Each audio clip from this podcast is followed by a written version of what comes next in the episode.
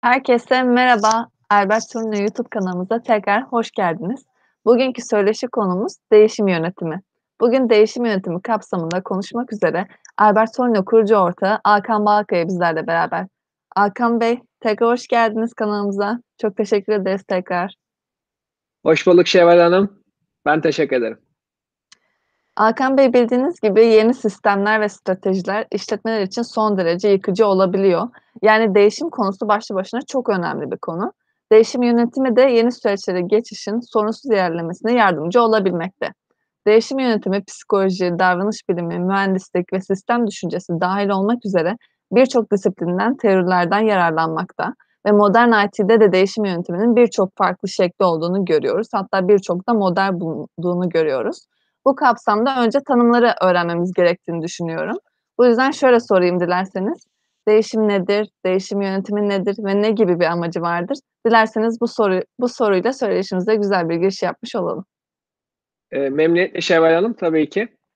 E, sizin de bahsettiğiniz gibi değişim e, günümüzde e, çok sıklıkla aslında e, var olan hem kişisel olarak insanları bizleri hem de işte organizasyonları, şirketleri, işletmeleri ya da işte devletleri dahi, dünyayı dahi aslında etkileyen e, değişimlerden geçiyor dünyamız. İşte bunları şöyle bakacak olursak kısaca e, mesela işte teknoloji tabii ki bayağı bir e, iş yapış şekillerini, yaşayış tarzlarımızı değiştiriyor. Hem bireysel olarak e, bizleri e, hem de e, işletmeleri ve devletleri de dahil olmak üzere.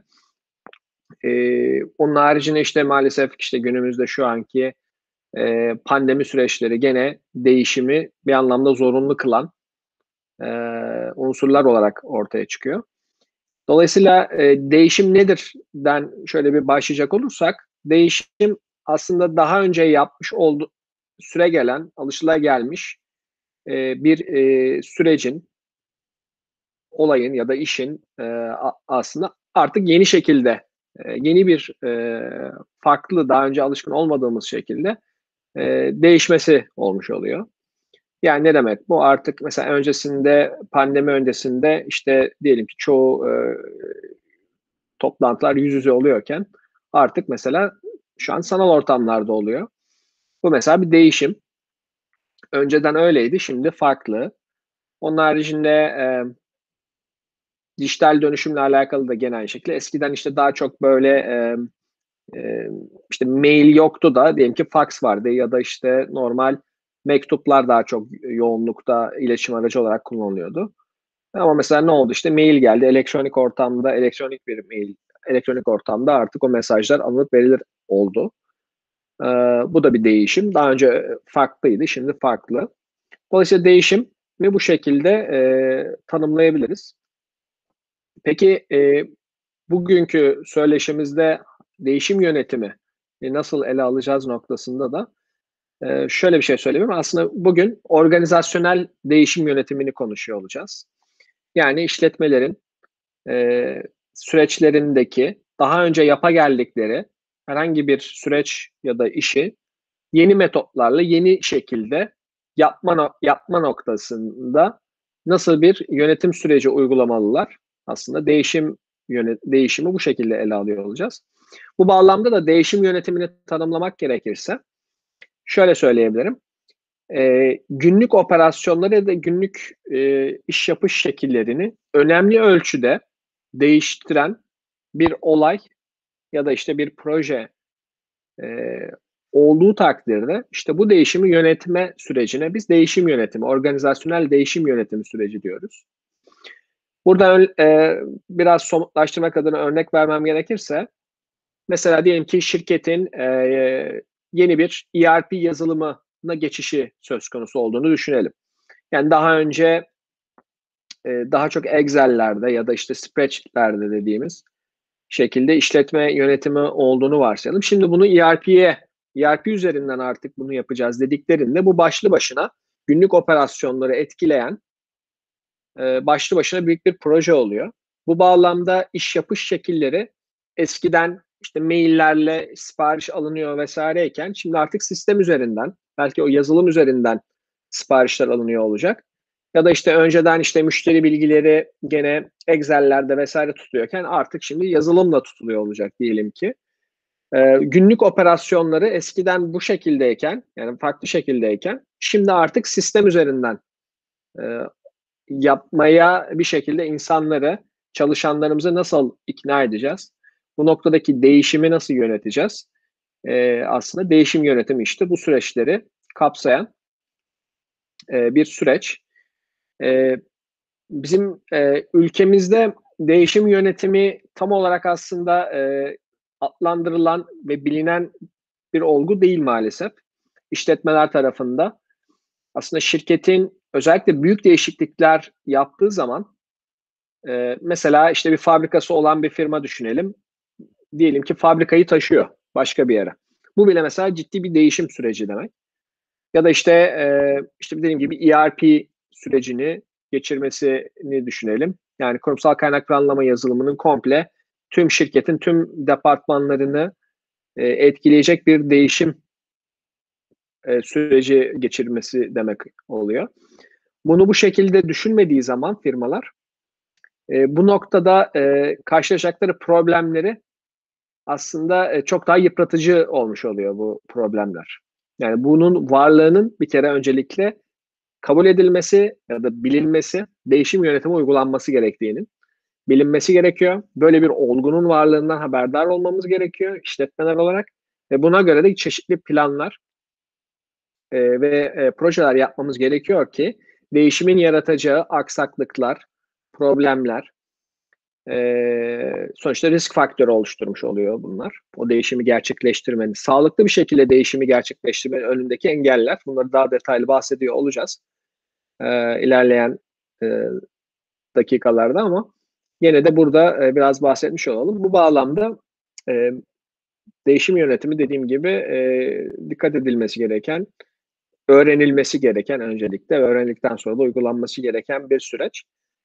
Şu bu biraz ayrıma da gidebiliriz. Değişimin tabii çeşitli e, fark ne diyelim çeşitleri olabilir. Ne gibi işte daha küçük değişiklikler de bir değişiklik. Yani buna daha çok adapte edilebilecek ufak değişiklikler olabilir. Hani değişim tanımında. Ya da işte daha e, bir anlamda işte transformasyonel dediğimiz işte değişim, komple değişim sağlayan e, şeyler olabilir, değişiklikler. E, dolayısıyla biz daha çok tabii ki ikinci olan hani büyük değişiklikler şirketlerdeki, organizasyonlardaki büyük değişikliklerden bahsediyor olacağız. Gene burada belki biraz daha örnek ver, vermek gerekirse hani ne tarz değişiklikler? İşte dediğim gibi örneklerle e, bezeyecek olursak biraz daha buraları. İşte bir ERP sistemine geçiş. Mevcut bir ERP sisteminden başka bir ERP sistemine geçiş. Gene büyük değişiklik. Değişim yönetimi uygulanmak zorunda. Yeni bir pazara açılma. İşte Avrupa'da hadi iş yapalım. Hadi e, ya da işte ne bileyim işte Kuzey Amerika'da işte oraya ofis açalım. Yine büyük bir değişiklik. Organizasyonel değişiklikler olabilir. E, diyelim ki organizasyonel yeniden yapılanmaya gittik. Görev tanımları ve diyelim ki hiyerarşi değişecek. Bu gene e, bir değişiklik. İşte üretim tarafında ne bileyim işte sürekli üretim yapıyorduk. Şimdi hücre bazlı üretim yapacağız. İşte yalın yalın yönetime, yalın üretime geçiyor olacağız. Bunlar gene büyük değişiklikler. Bunun nok bunun haricinde işte departman bazında bazında bazı değişiklikler olabilir. E, neticede e, bunu biraz da şeyle fizik tabiriyle de aslında söylemek isterim. Newton'un birinci kanunu var. Nedir o? Newton'un e, eylemsizlik e, kanunu var. Eylemsizlik kanunu der ki e, bir e, cisim, bir madde eğer olduğu yerde duruyorsa gene olduğu yerde durmak ister. Belirli bir süratte gidiyor ise de o aynı süreti korumak ister. Dolayısıyla e, bu bağlamda stabildir. Değişiklik işte buna dışarıdan bir kuvvetin, dışarıdan bir etkinin müdahale etmesidir. Yani duran bir cismi hareket ettirmek için dışarıdan bir kuvvet uygulamanız gerekir. Değişime neden olan büyük büyük faktör bu. Yani işte ERP'nin ERP'ye geçiş, yeni ERP'ye geçiş, işte Avrupa pazarına giriş. Bunlar dışarıdan bir etki. Dolayısıyla değişim gerektirir. Ya da mevcutta gidiyorduk. Mevcutta sabit hızla gidiyoruz. Gene mesela durmak istiyoruz ya da hızlanmak istiyoruz. Gene dışarıdan bir kuvvet yani değişim e, gerekir. Dolayısıyla değişimi yaratan faktörler vardır. O faktörlerde e, işte günlük hayatımızda ya da günlük operasyonların artık daha farklı ol, olacağı anlamına gelir. Dolayısıyla bu süreci yani o kuvvet dışarıdan etki ettiği zaman e, gene e, en azından şirkette e, sıkıntılara, problemlere neden olmasın ya da minimum düzeyde problemlere neden olsun ve gelişen, değişen o dışarıdan gelen kuvvet bir şekilde e, yeni sürece yeniden e, daha stabil bir tarafa geçene kadar ki orada bir türbülans olacak. O türbülansı yönetmek e, demek oluyor. E, bu şekilde de belki e, şey e, Newton'un elemsizlik yasasından da e, biraz faydalanmış olalım değişimi tanımlarken. Teşekkürler Hakan Bey. Evet, Newton'un yasasıyla daha iyi de anlamış olduğunuzu düşünüyorum. Ee, bildiğiniz gibi günümüzün hızlı tempolu iş dünyasında değişime uyum sağlayabilmek her başarılı kuruluşun ihtiyacı ihtiyaç duyduğu bir niteliktir. Bir, şirketlerde, tedarik zinciri endüstrisinde koşullar, gereksinimler her zaman değiş, değişmektedir. Bu nedenle değişim yönetimi organizasyonunuzda anlamak ve uygulamak için önemli bir kavramdır sizin de dediğiniz gibi. Ama tek önem sebebi bu olması gerek Hakan Bey. Bu önem konusu ve değişim yönetimine zaman ne zaman başlanacağı konusu iyi anlamak gerekildiğini düşünüyorum. O yüzden şöyle bir soru yöneltmek isterim. Ne zaman değişim yönetimi uygulanmalıdır? Değişim yönetiminin işletmeler için önemi nedir? Ve değişim yönetimi ne gibi faydalar sağlamaktadır? Bunları da sizden dinlersek çok memnun oluruz. E, memnuniyetle Şevval Hanım. Az önce de aslında bahsettiğim üzere bu noktada e, değişim özellikle günlük operasyonlarımızı ciddi oranda etkileyecekse yani o değişim günlük operasyonlarımızı artık farklı şekilde yapmamızı e, neden olacak. E, ya da günlük ya da işte haftalık, aylık. Yani rutin alışıla, alışıla gelmiş e, ne diyelim e, alışkanlıklarımızın dışında bir e, bize e, yol çiziyor ise işte değişim yönetimini o zaman uygulamalıyız. Yine örnekler üzerinden bahsedecek olursam mesela günümüzde dediğim gibi pandemi sürecinde e, uzaktan çalışma ya da işte e, uzaktan çalışamıyor isek bile artık yeni kurallarla işte aramıza mesafeler koyarak ondan sonra ofiste ya da fabrikalarda işte çalışıyor isek buna uygun koşullarda maskeler takarak maskesiz dolaşmayarak mesela bu günlük operasyonlarımızı direkt etkileyen bir süreç. Dolayısıyla buralarda değişim yönetimi uygulanmak durumunda. Ee, uygulamadığımız takdirde tabii neler olur? Gene e, bunlara değiniyor olacağız ama hani e, ne gibi faydalar sağlar noktasına da şunu söylemek lazım. Bir kere değişimin yaratacağı çeşitli riskler söz konusu. O değişim gerçekten e, kişiler üzerinde, şirketler üzerinde psikolojik etkileri olabilir. Ondan sonra daha çok, daha çok zaten psikolojik ve aslında sosyolojik yani toplum psikolojisi olarak baktığımızda bu tarz etkileri oluyor değişimin. Ve aslında bizlerin de şirketler olarak organizasyonel yapımızda ki değişiklikleri, organizasyonel değişiklikleri diyelim. Aslında organizasyonel değişim yönetimini diyelim. Buna bunu bilerek yönetmemiz gerekiyor. Ne gibi? İşte e, o değişim bir kere motivasyonu bozabilir. Ondan sonra o değişim o kişilerin etki edecek. O değişiminden direkt aslında e, olumlu ya da olumsuz etkilenecek olan kişilerin bir şekilde adapte olması gerekir o değişim sürecine. Dolayısıyla bunların bunun, o kişiler bunu kabul edebilir ya da kabul etmeyebilirler. Bu değişime ayak uydurmak istemeyebilirler, dirençler gösterebilirler. Ee, onun haricinde organizasyonel olarak günlük operasyonları direkt etkileyeceğinden dolayı o, o değişimlerden bahsettiğimiz için yani şirketin direkt aslında günlük operasyonlarını etkileyebilir. Bu, bunun en aza indirgenmesi, olumsuzluğu en aza indirgenmesi için de gene bu risklerin önüne geçilmesi için de gene değişim yönetimi uygulanmalıdır. Ee, başka bir örnek işte projenin o değişime yol açan etkinin neyse e, eğer kontrollü bir proje şeklinde yapılırsa olumlu etkisi daha fazla aslında daha hızlı bir şekilde daha etkin bir şekilde firmaya kazandırılabilir. Ee, işte diyelim ki mesela ERP geçişi yani ERP'miz yok sıfırdan bir ERP kuruyoruz. Tamam dolayısıyla bunun pozitif etkilerini e, şirkette e, negatif etkilerini minimuma indirip pozitif etkilerini olabildiğince hızlı adapte edebilmek adına bu değişim yönetimi süreci e, uygulanmalı e, diyebiliriz. E, bu şekilde riskleri minimize etmek, değişime yol açacak e, projelerin faydasını maksimize etmek, daha fazla onlardan fayda sağlamak ve e, insanların Newton'un eylemsizlik prensiplerin prensibinden açıkladığım üzere o geçiş aşamasını yani bir bir e, şeyden bir state'ten diğer state'e geçiyor aslında insanlar ve şirketler. Yani başlangıçta belirli bir düzeydeyiz. Şu an bu yoldayız. Yani bir A, A noktasındayız. B noktasına erişmeye çalışıyoruz bu projeyle, bu değişimle beraber. O aradaki geçiş aşamasını iyi yönetmek amaç burada.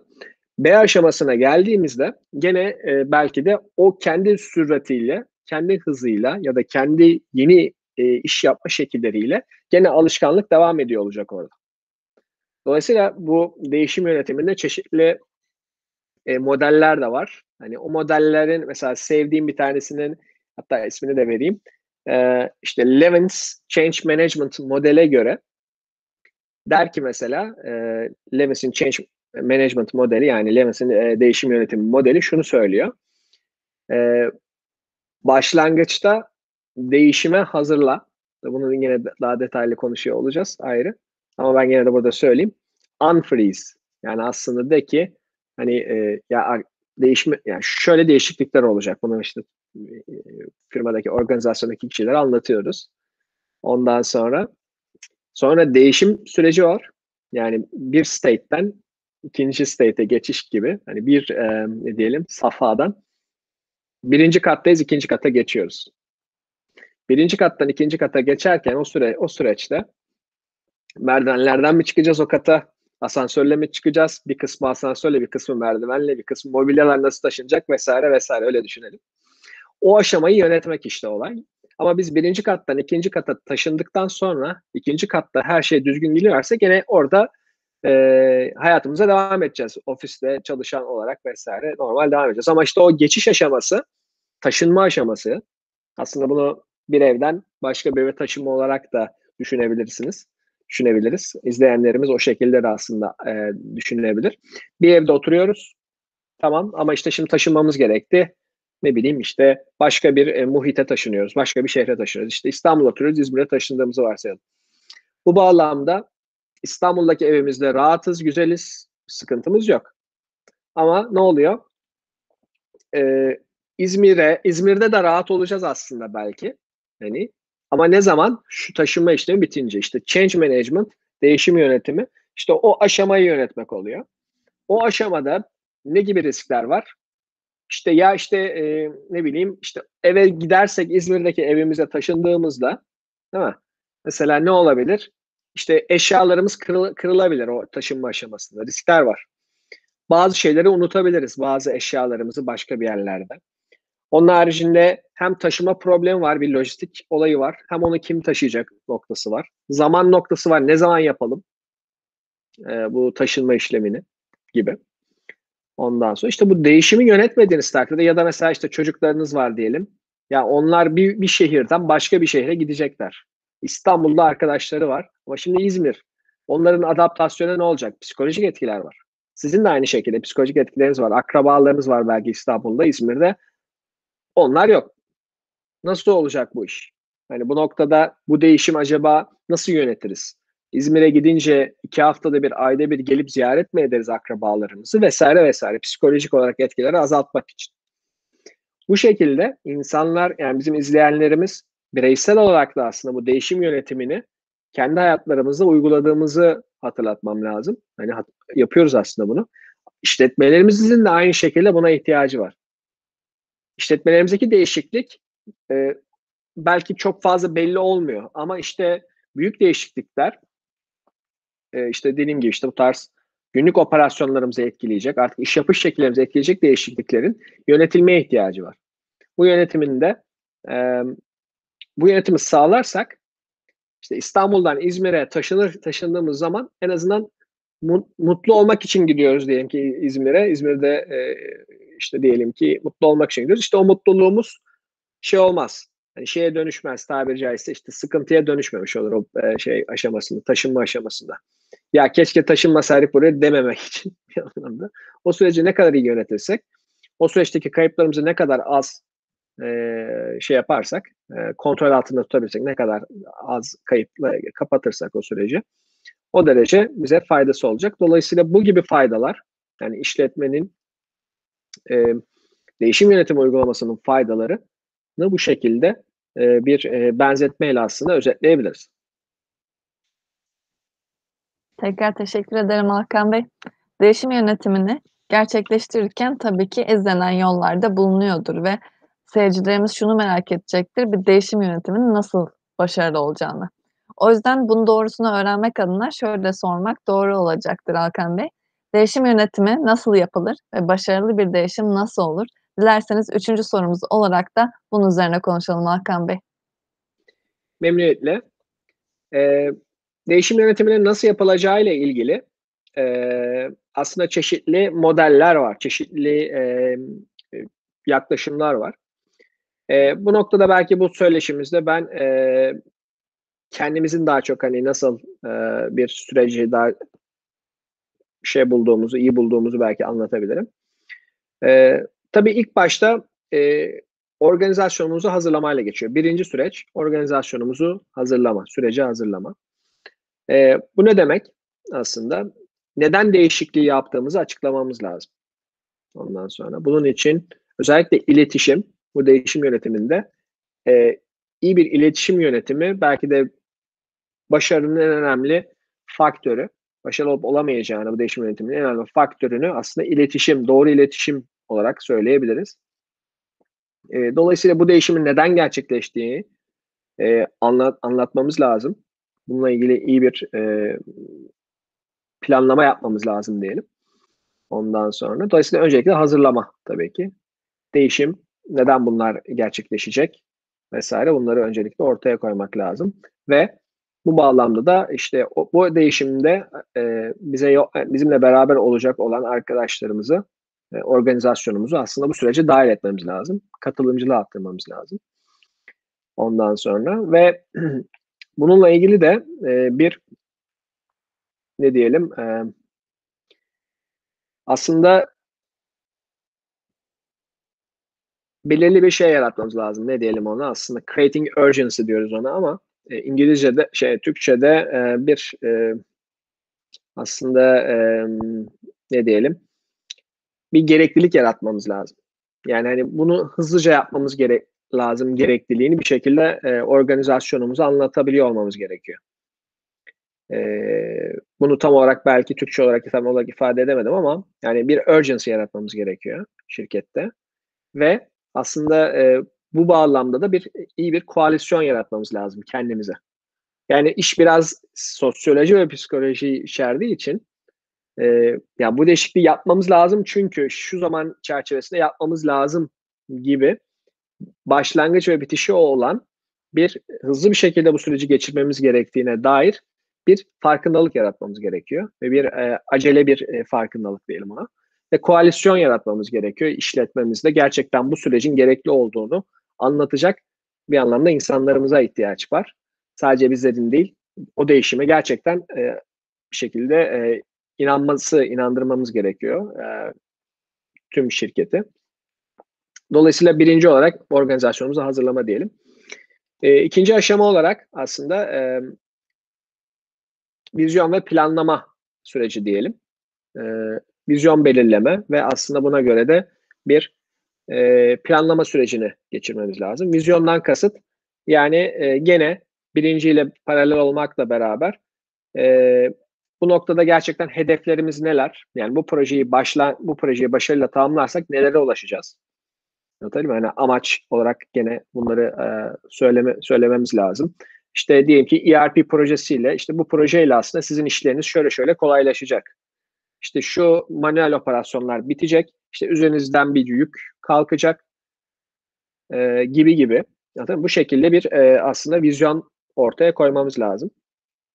E, bu vizyonla beraber işte stratejik hedefleri ortaya koymamız lazım. Çeşitli hedefler. Bunlara nasıl ulaşacağımıza dair işte KPI'ler yine tanımlamamız lazım. E, bu projeyi gerçekleştirmek üzere tabii ki işte proje planı, proje planını oluşturmamız lazım ve aslında bu projeyi e, biri e, bazı e, organizasyonumuzdaki bazı arkadaşlar e, direkt bu projeyi yönetenler olacak. Proje bu e, değişim yönetimini. Mesela ERP projesini devreye aldık tamam. Gene de değişim yönetimi projesiyle alakalı bir organizasyonumuzun, bir proje organizasyonumuzun olması lazım. Bu değişimi işte tüm organizasyonu anlatacak. Aslında ekip yani o, o planı e, bir anlamda e, yapacak kişiler, e, kişiler olması gerekiyor. Ve tabii ki paydaşlarımızı da tanımlayabiliriz. Paydaşlardan kasıt e, bu bağlamda bu değişim yönetimini yaparken hangi kimlere dokunuyor olacağız? Şirketimizin organizasyonundaki herkese dokunacağız. Okey bu paydaşlardan biri. İkinci paydaşımız belki işte bu ERP projesi örneğinden gidiyorum. ERP projesini işte yapan belki dışarıdan bir danışmanlık firması olabilir. Ya da işte o ERP projesinin lisansını gene satın aldığımız firma olabilir. Bunlar gene paydaşlar oluyor olacak tabii ki. Ve belki bir üçüncü de başka tedarikçiler de olabilir paydaşlar. İşte çeşitli ne bileyim işte donanımları aldığımız, çeşitli değişiklikler yapmamız için gene farklı farklı paydaşlar olabilir. Ee, bunu proje e, yönetimini ve paydaşları ortaya koyacağız ve tabii ki proje planını ortaya koyuyor olacağız. E, proje planı planı da işte değişimin ne kadar süreceği, nasıl yapılacağı, hangi aşamalardan geçeceği. Ondan sonra e, mesela bir gene ERP projesinde ERP projesinin e, hangi departmanlardan nasıl başla, başlayacağını ve dolayısıyla belki de değişim yönetimi projesi olarak ekibi olarak bizlerin de işte o departmanları öncesini hazırlamamız gerekebilir. Hani bakın işte bu ERP geçişiyle beraber şunları şöyle yapıyordunuz artık böyle yapacaksınız.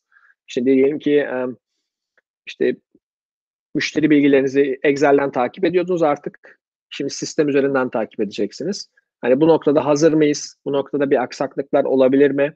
Bunun mesela size şöyle faydaları olacak. Dolayısıyla bunu lütfen şey yapın, e, ne diyelim, e, sahiplenin gibi. Dolayısıyla bunu e, bunları ortaya koyuyor olacağız. E, Üçüncü aşama tabii planın implementasyonu. Ne demek? Bu hakikaten o değişim yönetiminde işte bu söylediğim eğitimlerin, bu söylediğim değişim süreçlerinin anlatılması. Ondan sonra e, proje değişimi neden olan proje değişim devam ederken bir yandan da aslında sürekli koşluk yaptığımızı düşünelim. Hani her şey yolunda gidiyor mu vesaire hani e, bu bağlamda e, bu, bu planın implementasyonu işte eğitimlerin verilmesi, süreçlerin bundan sonra nasıl olacağını anlatılması ve belki de orada teknik anlamda da bazı eğitimlerin verilmesi diyebiliriz. E, değişimin neden olacağı. E, dolayısıyla planı implemente etmek olmuş oluyor. E, dördüncü aşama e, biraz daha e, değişimden sonraki süreç diyelim. Şirket kültürünün ve aslında gene günlük aktivitelerin e, tam olarak tekrardan yerli yerinde olup olmadığını kontrol etme. Yani hemen plan gerçekleşti, bitti. Değişim sağlandı ama akabindeki süreç yani bir anlamda post project e, işte, e, şey safhası şey gibi düşünün. İşte İstanbul'dan İzmir'e taşındınız. O süreç geçti. Ama İzmir'de şimdi gelip kontrol ediyorsunuz. Ya tamam o mobilya bu güzel mi? Bu işte yerinde mi? işte ne bileyim işte beyaz eşyalarımız geldi mi çalışıyor mu bilmem ne. Yani bu şekilde ve yani biz tamam mutlu muyuz şu an için ee, işte bir hafta geçti, iki hafta geçti diyelim, bir ay geçti. Tamam işte her şey yerli yerinde mi? Ee, bir anlamda yavaş yavaş artık o değişim yavaş yavaş yerine oturuyor mu? Yavaş yavaş eski yani rutin şeyimize bu sefer ama yeni metotlarla, yeni evimizde Dolayısıyla şirket olarak da işte yeni süreçler, yeni iş yapış şekilleriyle devam edebiliyor muyuz? Bunun bir anlamda kontrolü ve yani e, belki işte çeşitli e, daha ince ayarlarının yapılması süreci tamamla, tamamlıyoruz. Ve e, beşinci olarak da gene son olarak e, bu süreç bitti. Belki o süreç geçtikten bir iki ay sonra da gene hani çeşitli işte optimizasyonları ve işte ince ayarlamaları da yaptık. Bundan sonraki aşamada da belirli bir süre gene analiz edip e, gene e, monitör etmemiz yani hani gözlemlememiz gerekiyor o süreci ki gerçekten tam olarak hani A durumundan B durumuna geçtik, değişimi yönettik. Değişimin ilk aşamasında bir ay, iki ay işte çeşitli e, diyelim ki ince ayarları yaptık. Ondan sonraki süreçte de tamam artık yeni durumda B durumunda B katında yani A katından B katına geçtik.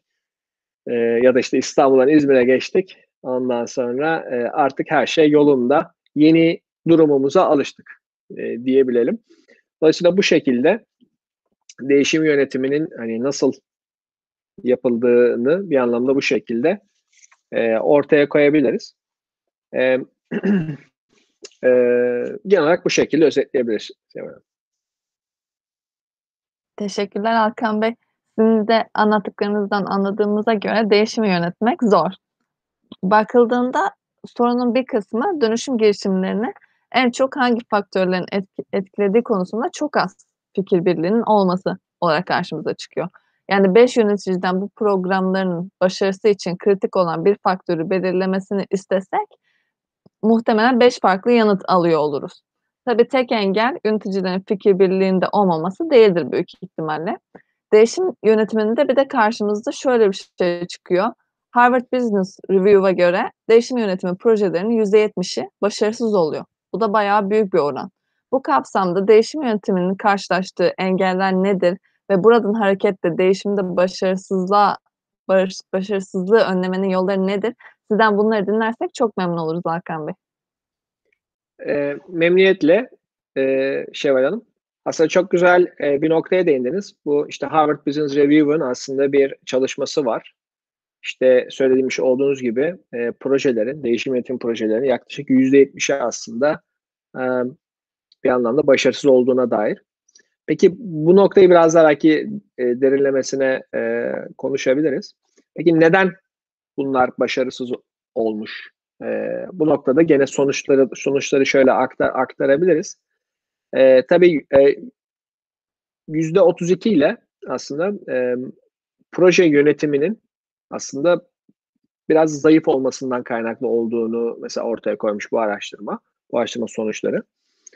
Ondan sonra yüzde yirmilik bir neden, yani neden başarısız oldu? Yüzde yirmisi e, doğru bir iletişim stratejisinin oluşturulmaması ve doğru bir iletişim kurulmamış olması, etkili bir iletişimin kurulmamış olması olarak görüyor ki işte zaten yaklaşık yüzde ellisi hani buna e, yani proje projenin olmaması ve e, proje planının aslında zayıf olması ve doğru iletişim, iyi bir iletişimin olmamasını e,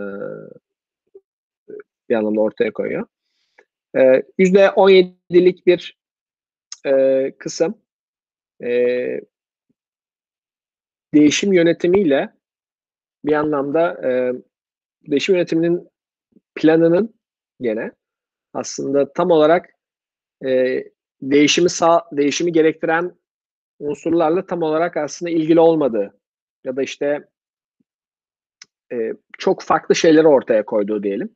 E, yani insanlar bu değişim yönetim projesinin etkisine sahip olacak organizasyondaki kişiler e, tam olarak algılayamıyor diyelim hani şeyi, yani skopu yani hani kapsamı. Ondan sonra e, kendilerine hitap etmiyor diyelim. Hani yine proje planının gene e, aslında tam olarak iyi yapılmaması olarak söyleyebiliriz bence bunu da. E, %17'si e, tam olarak amacını anlatamadığından bahsediyor projelerin. Yani tam olarak amacımız neydi bu proje bu projede? E, bunu tam anlamadığı için gene e, başarısız olduğundan bahsediyor. E, ve hani e, yüzde on dörtlük bir kısmı sadece teknolojiye adapte olamaması olarak e, bu şeyi, başarısızlığı e, görüyor. Yani dolayısıyla teknolojiyle alakalı değil olay. Yani bu değişim yönetiminin başarısız olması nedeni daha çok aslında proje e, yönetiminin, değişim yönetiminin aslında çok iyi yapılamamasından kaynaklı olduğunu ortaya koymuş durumda. Dolayısıyla bu bağlamda e, proje, yani değişim yönetim projesinin çok çok önemli olduğunu söyleyebiliriz. Ama biraz daha e, farklı nedenlere girecek olursak, yani biraz daha kişisel noktaya gidecek olursak, değişim noktası aslında insanların, organizasyonların istemediği bir şeydir. Aynen Newton'un eylemsizlik yasasında olduğu gibi e, madde nasıl ki duruyorsa durduğu yerde durmak ister, nasıl ki sabit hızla gidiyorsa da sabit hızını da korumak ister. Bizler de insanlar olarak, bizler de işte organizasyonlar olarak çok fazla değişikliği e, sevmeyiz. Değişiklik bizim doğamıza çok fazla uyan şeyler değil. Değişmek için bir anlamda aslında e, comfort zone dediğimiz aslında hani e, konfor alanımızdan çıkmamız gerekir. Dolayısıyla dışı bir enerji seviyesi gerekiyor. Dışarıdan bir, bir şey olması lazım. İşte biri gelip diyecek ki belki ya işte e, e, ne diyelim işte belki diyecek ki ya işte biraz daha e, yediklerine dikkat etmelisin diyecek belki. Biz o sayede diyete başlarız gibi. Ya da işte ne bileyim işte giyim kuşamımızla ilgili ya işte biraz daha şöyle giyinsene. Mesela önemli bulduğumuz değer, fikrine değer, değer verdiğimiz biri bunu söylediği zaman bizde etki yaratır. Ve gerçekten o zaman değişim belki başlar. Ya da biri gelecek ki ya işte sen, sen ne bileyim diyelim ki yabancı dil e, yeteneklerimiz çok gelişmemişse bir bir şey olabilir, bir olay olabilir. Ya işte hani orada eksikliğini bir anlamda e, bize bir yüzümüze biri vurur diyelim. Dolayısıyla o gene bizi değişikliğe itebilir. Dolayısıyla gördüğümüz üzere dışarıdan bir e, şeye ihtiyaç var. Enerji seviyesine. E, bunun haricinde değişikliği çok fazla sevmeyiz ve değişikliğe genelde e, dolayısıyla direnç gösteririz. Bu direncin işte çeşitli nedenleri var. E, işte bir kere motivasyonumuz olmayabilir. Önceliklerimiz farklı ol- oluyor aslında insanların. Yani zaten bunu yapıyorduk. Şimdi ne gerek var şu yeni şeye diyebiliriz. Bir. İkincisi korku var. Yani, yani zaten ben şu an memnundum. Hani e, acaba yeni gelecek olan sistem, değişiklik benim acaba işlerim beni acaba olumsuz etkileyecek mi? Benim rahatımı bozacak mı? Gibi gibi. Dolayısıyla bu tarz bunlar doğal hepimizde var. Yani hepimizde bu psikolojik faktörler. Ee, onun haricinde e, başka ne diyelim? İşte bu tarz psikolojik neticede engeller var. Ee, bunun, bunun haricinde bu tabii bireysel bazda. Bir de organizasyonel bazda e, değişim yönetimini başarısız kılan en önemli faktörlerden biri ve yani bir anlamda önlemenin de yol, yollar, yollarını şöyle bir kısaca değinecek olursak aslında e, değişim tabii en yetkili insanlardan insanların başlatması gereken ve onların ya da onlar başlatmadıysa da onların desteklemesi gereken bir şeydir, bir süreçtir. Çünkü e, en ufak bir e, olumsuzlukta zaten e, isteksiz, değişime isteksiz olunacağı için e, ekstra motivasyona, ekstra enerjiye, ekstra e, bir şekilde telkinlere ihtiyaç duyacağız. Dolayısıyla te, şirketin en tepedeki insanları değişime tabi caizse sponsor olmak durumundalar. Ne kadar en üst yönetimler, en üst yönetimden destek alırsa değişim o derece başarılı olur. Olmazsa en ufak yani e, ne diyelim çok ciddi anlamda başarısız olma ihtimali çok çok yüksek oluyor bu değişim yönetim sürecinin.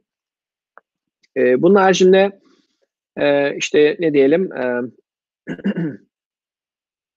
çeşitli e, çalışanların ya da departmanların gene alışkanlıklarından kaynaklı e, bir takım e, engeller gene e, olabilir. Ondan sonra e, çeşitli bir anlamda bunu şey olarak da söyleyebiliriz. E, şirket içerisinde çeşitli e, politik e, şirket yani, yani iş politikasından bahsediyorum tabii ki. E, çok fazla e, o anlamda güç dengeleri vesaireden dolayı gene e, dinamikler olabilir. Hani gözükmeyen. Bu dinamikler gene e, değişimin önünde engeller. ortaya koyabilir. E, bunlar genelde en zorlu tabii ki değişim tarafındaki en zorlu e, noktalar diyebiliriz. E, dolayısıyla bunların engelleme engellemek için gerçekten e, tüm organizasyonu insanları aslında sürece dahil edebiliyor olmak lazım ve gerçekten değişimi niçin yapıldığını bir anlamda ortaya koymak gerekiyor. E, olabildiğince onlarla e, etkili iletişim kurmak gerekiyor. E, bu noktada en, en başta da söylediğim gibi koalisyon diyelim buna. O koalisyon ortağı ne kadar fazla olursa şirket içerisinde e, ne kadar fazla evet ben bunu destekliyorum ama gönülden çünkü bu benim için iyi olacak. Biz bunu ne kadar verebilirsek şirket olarak o, o derece aslında e, etkili olur. E, o derece engelleri ortadan kaldırabiliriz. E, ondan sonra e, dolayısıyla bu şekilde e, bu yöntemlerle belki de değişim yönetiminin önündeki engelleri e, biraz daha azaltabiliriz. Teşekkürler Hakan Bey. Sizin de anlattığınız gibi bu değişikliklere değişikliklerin önündeki engeli kaldırmak lazım. Çünkü bazı şirketler için değişiklikler ölümcül olabiliyor. Zaten bahsetmiştik Harvard Review'unda açıklamasında. Ölümcül olabiliyor çünkü bu şirketler yeni iş ortamına asla uyum sağlayamıyor ve geleneksel bir strateji uygulamaya devam ediyorlar. Bir adaptasyon problemi karşımıza çıkıyor yani. Değişime hızlı adapte olabildiği gibi geç adapte olabilen insanlar da oluyor. Daha doğrusu şirketler de oluyor. Bu bağlamda değişim çalışanlara nasıl kabul ettirilebilir? Son sorumuza geçmeden önce bir de bunu sizlerden dinlemek isteriz Hakan Bey. Ee, tabii ki Şevval Hanım. Ee, çalışan çalışanlarımıza biz bunu nasıl e, kabul ettirebiliriz değişimi? Burada işte gene psikolojik etkiler ortaya çıkıyor. Psikolojik etkilerde işte e, değişim korkusu, e, bir anlamda e, mevcut konumunu kaybetme ihtimalleri var. Dolayısıyla bu bağlamda e, psikolojik olarak da gerçekten onları hazırlamak gerekiyor değişime. Bunun için ne yapılabilir? Bunun için aslında e, çalışanların bir anlamda daha fazla güvende ve e, kendilerini güvenlikli hissetmeleri için çeşitli aslında eğitim e, çalışmaları yapıl, yapılmalı yapılmalıdır. Ondan sonra e, bunun haricinde e, kendilerini motive etmek gerekiyor değişim tarafında. E, gerçekten değişimin kendi işlerini kolaylaştıracak noktada olduğunu bunlara e, bu arkadaşlarımıza anlatmamız gerekiyor. E, bazen gerçekten e, maddi maddi olarak motive etmek de gerekebilir. Dolayısıyla çeşitli primler, çeşitli motivasyonlar maddi anlamda e, bunlar e, gerçekleşebilir. Ondan sonra. E, bunun, bunun haricinde e, şöyle belki söyleyebiliriz. E, reel anlamda gerçekleri kendilerine göstermek. Yani işte şu anki diyelim ki işte müşteri bilgilerini bakın bu spreadsheetlere girerseniz bakın burada takip etmek zor. Ama mesela şimdi geçeceğiz CRM sistemine. CRM sisteminde kendiniz çok daha iyi etkili yönetebileceksiniz. İşte burada mesela satıştan da prim aldığımızı varsayalım. E, oradaki satış personelimizin. Dolayısıyla bakın orada daha fazla, daha etkili bir şekilde satış satıcınızı daha da arttıracaksınız. Dolayısıyla bu değişim bundan dolayı oluyor, denebilir. Aynı şekilde bir muhasebe departmanına baktığımızda muhasebe departmanında işte manuel mesela diyelim ki işte masraf beyan formları manuel geliyor. Ondan sonra ya da işte Excel'lerde geliyor e, vesaire. Bakın bu değişimle beraber masraf formları işte online gelecek. Dolayısıyla daha önce sizin Excel'lerde teker teker ayıklama için çalıştığınız şey tek sistem üzerinde anında göreceksiniz ve toplamda onlar o masrafları işleyebileceksiniz. Mesela bu sizin avantajınız olacak. Onun için bu projeye lütfen siz de katkı verin demek gerekiyor. Ya da işte bir e, insan kaynakları departmanında e, diyelim ki işte işe alım süreçlerinde e, bir dijital dönüşüm projesi olduğunu varsayalım.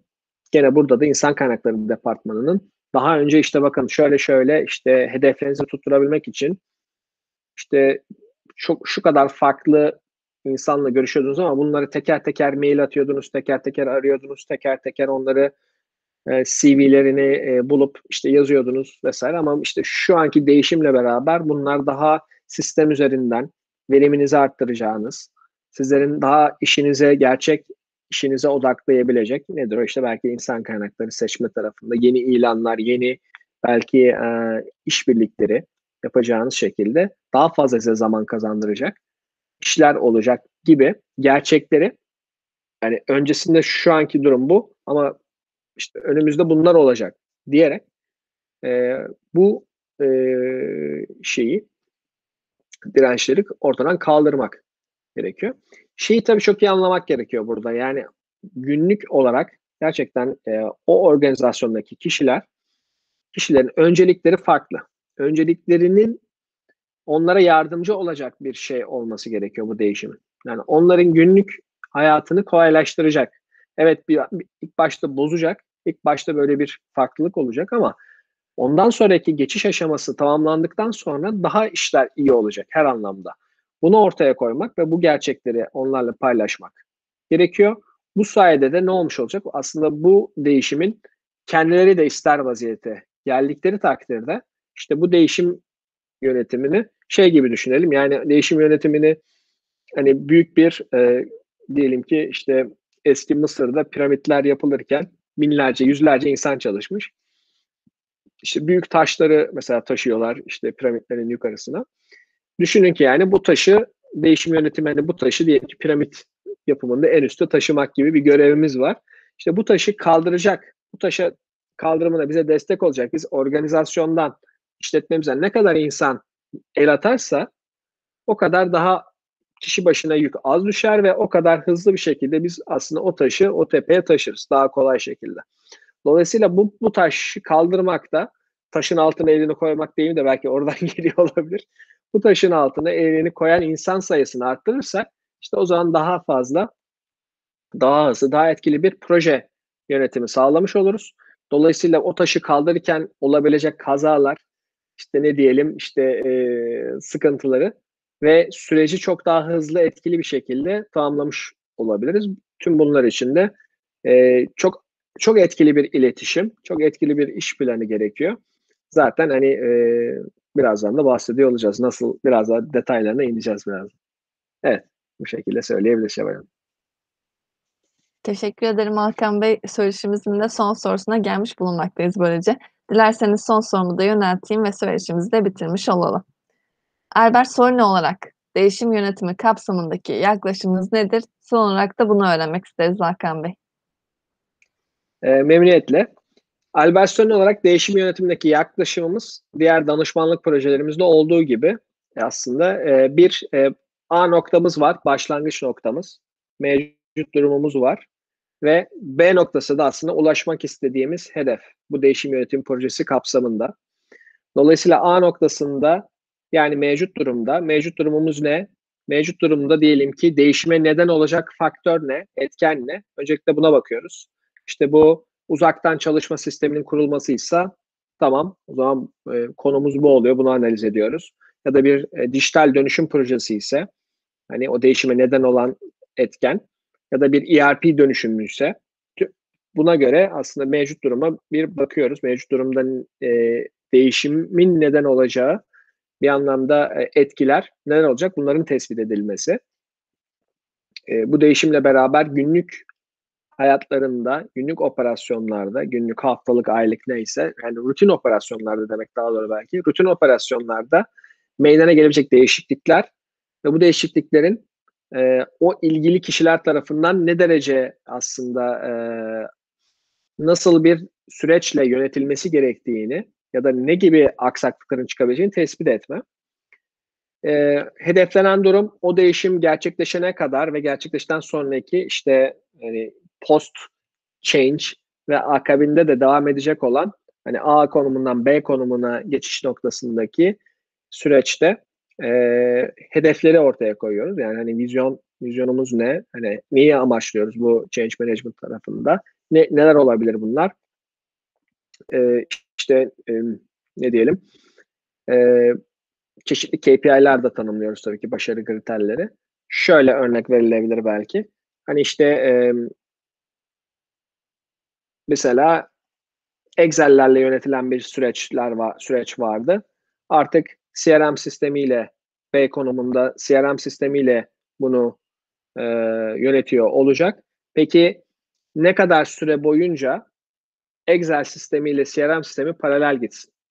Çünkü eğer CRM sistemine başarılı bir geçiş olmadıysa ya da henüz o kişi tam olarak onu adapte edemediyse kendi rutin günlük hayatına şirketi olumsuz etkileyebilir. Dolayısıyla bu bağlamda hani oradaki e, noktayı da ya nasıl bir stratejiyle yaklaşmalıyız değişim yönetimine? Hani belirli bir süre bizim genel olarak bak- bakışımız hani direkt komple aldık yeni sisteme geçtik hadi devam edelimden ziyade belirli bir süre aslında ikili sistem olması şeklinde oluyor. Genel bizim stratejimiz ve e, vermiş olduğumuz tavsiyeler. Dolayısıyla bu ne kadar sürecek? Bunun olması için neler yapılacak? Gibi bunların planlaması e, ortaya koyacak. Dolayısıyla bir, bir hedef, bir mevcut durumumuz var, hedefimiz var ve hedef noktasında da planımız var. Bir ERP projesi ise ERP projesi nereden başlayacak? İşte IT departmanından ya da işte insan kaynakları departmanından ya da satış departmanından tamam. Satış departmanıyla alakalı peki yol açılabilecek, yol, bunun yol açacağı günlük operasyon farklılıkları neler? Bunları biz e, oradaki e, departmanlara dolayısıyla ne gibi bir eğitim ve ne gibi bir süreç tasarımıyla e, vermeliyiz? E, onlara onlarla bu anlamda ne gibi bir iletişim kurmalıyız? Bunları ortaya koyuyoruz o proje planında. Dolayısıyla proje planının ortaya konulması tabii bu değişimin gerçekleşeceği süreyle de e, direkt bağlantılı. Yani 6 aylık bir ERP projesi ise bizim değişim yönetim projemizde 6 artı belki de e, 6 yani hem projenin e, süre, sürecinde e, yer almak hatta belki öncesinde tabii ki hazırlık e, ve akabinde de e, sağlıklı bir şekilde oradaki değişikliklerin adapte edildiğinden emin olana kadar da aslında firmalarda işlerimize devam ediyoruz. Dolayısıyla proje planını ortaya koyuyoruz. A noktasından B noktasına geçmek noktasındaki proje planımız. Proje planını ortaya koymak tabii ki e, yaklaşımımızın birinci safhası. Dolayısıyla ön analiz ve işte hedefler ve proje planı. E, ikinci safhası o projenin implementasyonu. Yani planımızı yaptık tamam şimdi hadi artık o eğitimleri gerçekleştirelim. O süreçleri e, nasıl olacağını e, firmada müşterimizle beraber oradaki organizasyona yayalım. Dolayısıyla ikinci safhamız e, implementasyon, projenin e, implementasyonu. E, üçüncü safhamız da e, e, projenin e, nihayetinde e, aslında proje bitiminden sonra süreci izleme ve aslında orada gerekli revizyonlarla beraber kalite kontrolü sağlamaya devam etme şeklinde. Yani üçüncü fazla aslında hani e, monitör etme ve aslında denetim safhası olarak söyleyebiliriz. Bu, bu şekilde Albert Sönne olarak e, bu böyle bir yaklaşımımız var. Bu bağlamda e, kullandığımız tabii ki e, araçlarımız bizim e, kendi yaklaşım stratejilerimiz, metodolojimiz. Yani Sönne'nin değişim yönetim metodolojisi.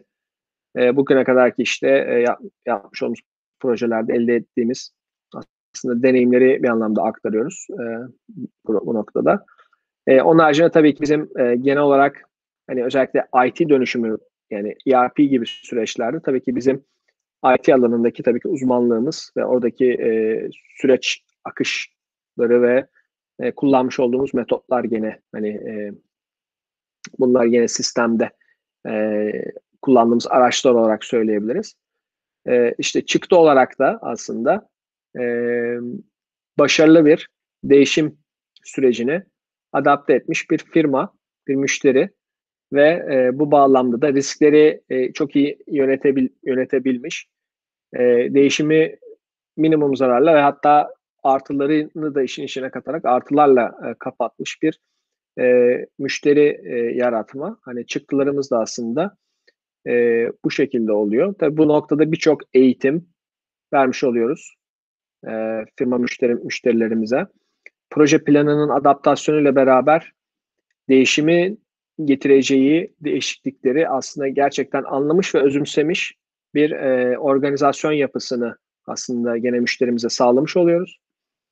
E, ve dediğim gibi e, daha verimli ve maliyet açısından da o değişimi sağlayan sistemin getireceği maliyeti eee, en azından daha da, eee, verimli kılarak diyelim, hani, minimumda, eee, tutarak, eee, başarılı bir projenin hayata geçirilmesini sağlıyoruz.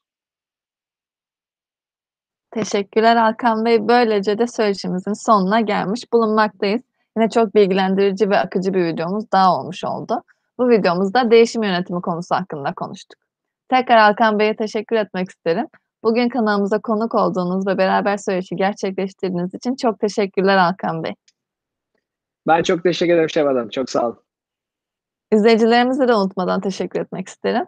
İzleyen herkese çok teşekkürler.